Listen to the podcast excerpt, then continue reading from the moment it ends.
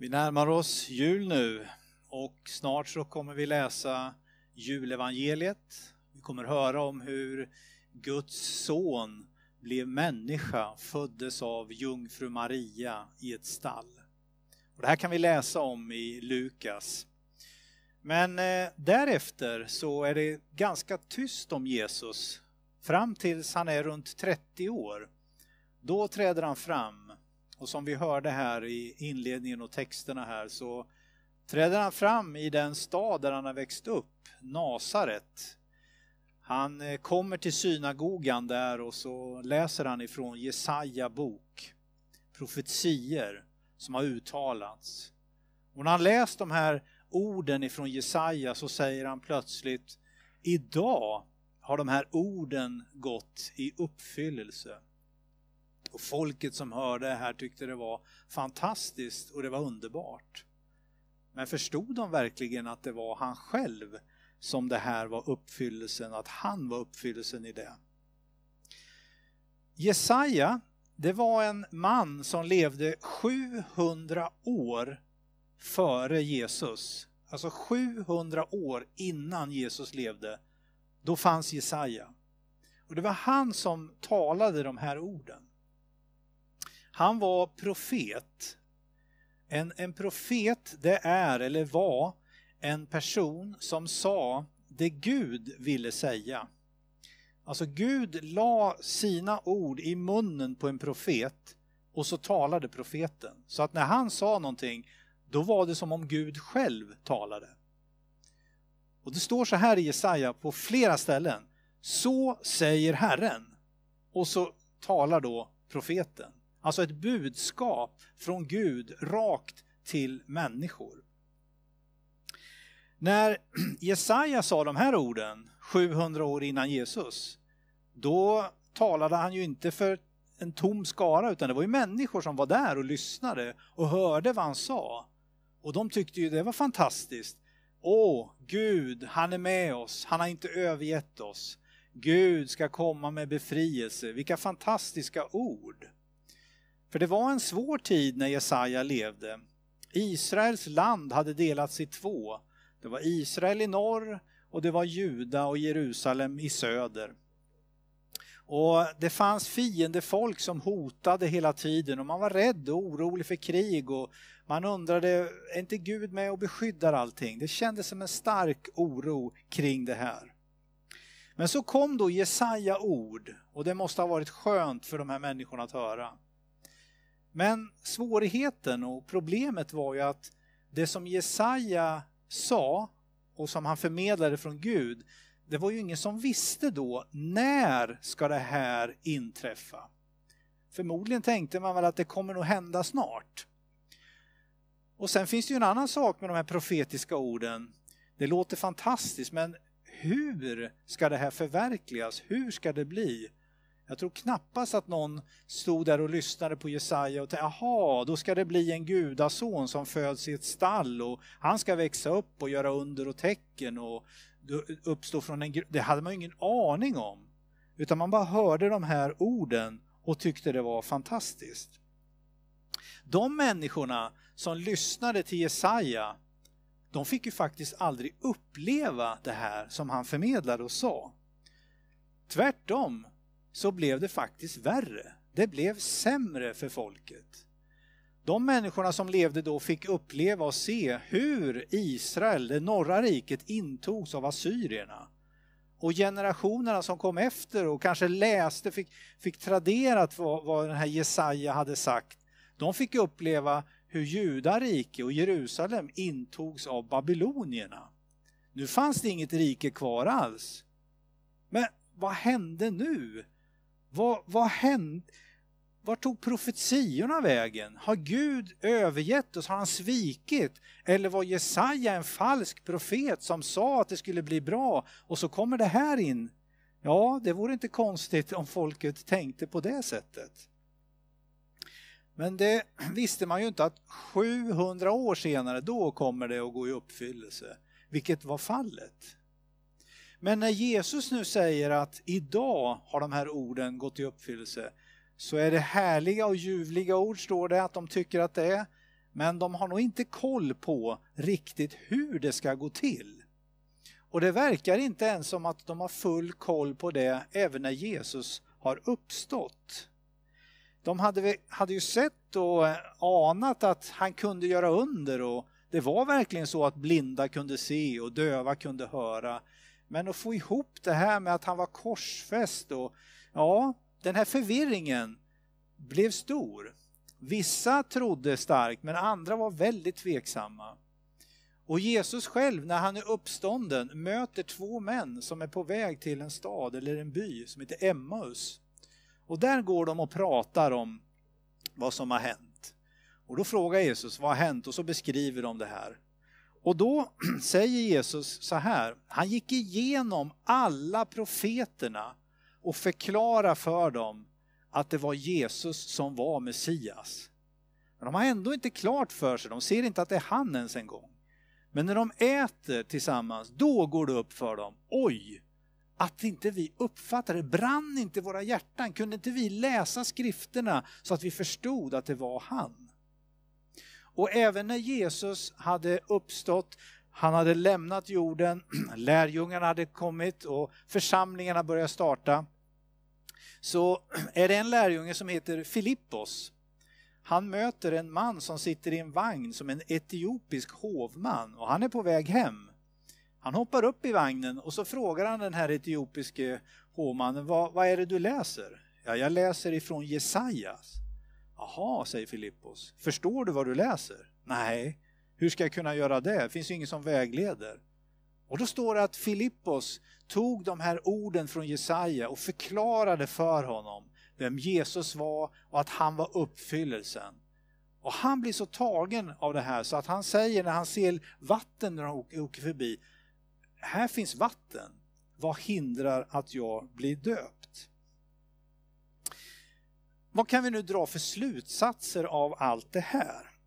Ja, en profetia, det är faktiskt inte helt enkelt att veta och förstå. Den är inte så kristallklar att jaha, då går det till exakt på det här sättet. Det visste inte folket. Så är det också idag. Och för det andra så är det inte så enkelt att veta när profetian ska slå in. Är det nu eller är det sen eller när kommer det här? Och det här, det är viktigt för oss, för dig och mig som lever i en väldigt mörk och svår tid just nu. Jag läste någonstans att det är så här att det har inte varit en enda soltimma i december. Och det är möjligt att vi får leva hela december utan att solen har lyst över Örebro en enda timme. Det är väldigt mörker. Till det ska vi veta att vi måste hålla oss hemma väldigt mycket. Eller ha väldigt restriktiv hållning med vilka vi umgås med och vilka vi träffar. Den här pandemin är verkligen påfrestande. Det är många som har bett till Gud. Gud, stoppa den här pandemin. Nu vill vi leva som vanligt igen. Men inget händer. Det är inte konstigt att det är lätt att tappa modet, att misströsta, att ge upp.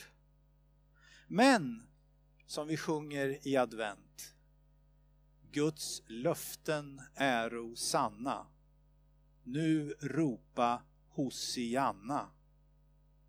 Hosianna betyder ju Herre kom och hjälp oss. Och det är precis det vi gör i advent när det är som mörkast. Vi ropar Gud, du måste hjälpa oss. Du måste komma, vilket advent också betyder, ankomst, väntan. Vi väntar på att du ska komma till oss och rädda oss i den här situationen. Det är faktiskt så. Visst, folket då väntade på att det här skulle inträffa, men även vi väntar. Ja, men Jesus har ju redan kommit. Ja, det har han. Vi läser om när han föddes, men vi väntar också att han ska komma till jorden som Messias en gång till. Han ska komma tillbaka. Det kommer mer. Vi kan läsa Jesaja bok, vi kan tolka den, vi kan förstå den. Men efter Jesus har vi fått en bok till. Den boken heter Uppenbarelseboken. Det är en profetisk bok. Det är en syn som Johannes fick om framtiden. Vi lever på ett sätt i samma brottning som människorna under Jesaja tid. Och vi har också samma problematik. Därför när vi läser Uppenbarelseboken så är det ingen av oss som kan säga aha, då vet jag exakt när det här ska hända. Det kanske ligger långt fram i tiden eller kort fram. Och dessutom är det en, en bok som är inte helt enkel att läsa och förstå. Alla symboler och siffror och, och bilder som målas upp där. Vad är det här? Betyder det det här? Och här kan man ha olika tankar och funderingar. Men det här betyder ju inte att boken, ja, den ska vi lägga åt sidan för den förstår man inte. Tvärtom. Vi ska leva i den boken. Vi ska förstå att den talar om att vi har en framtid, en ljus framtid och hopp. För det finns så klara löften där om att Jesus Kristus kommer. Han ska segra och han kommer att ställa allt till rätta. Det här gäller även fast det känns väldigt avlägset just nu. Jesus han säger själv på det här sättet. Himmel och jord ska förgå. Men mina ord ska aldrig förgå. Det spelar ingen roll hur eländigt det än blir på den här jorden. Jesus kommer ha sista ordet. Och hans ord kommer aldrig att förintas eller försvinna. Han kommer komma tillbaka och han kommer att göra allting nytt. Paulus, han skriver till Thessalonikerna och berättar för dem, så här kommer det vara den dagen. Jesus kommer på himlens skyar, han kommer, sänker sig ner och han kommer möta och de som är döda kommer få liv igen och vi kommer möta Jesus. Och så säger han som avslutningsord, trösta nu varandra med dessa ord. Han menar att det är viktigt att ha det här perspektivet med sig i livet. Det finns någonting att vänta på och hoppas på. Det är tyvärr så att ett vaccin kommer inte att lösa den här världens problem. Det är klart att det till viss del kommer att göra det, men det, kommer, det finns för det första större problem än det som vi går igenom just nu med covid-19. Och det kommer komma fler problem än så också. Och nu sitter någon där och kanske tycker att det var en sur närking som talar nu. När vi ändå har vaccinet på gång här och det ska bli bra igen. Jo, men jag tror att de flesta utav oss förstår någonstans inombords att mänskligheten är illa ute. Och att vi klarar inte att reda ut det här och de problem vi, och utmaningar vi står inför själva. Vi behöver Gud, vi behöver ett ingripande från honom. Herre kom! Vi behöver dig. Du måste ta hand om oss.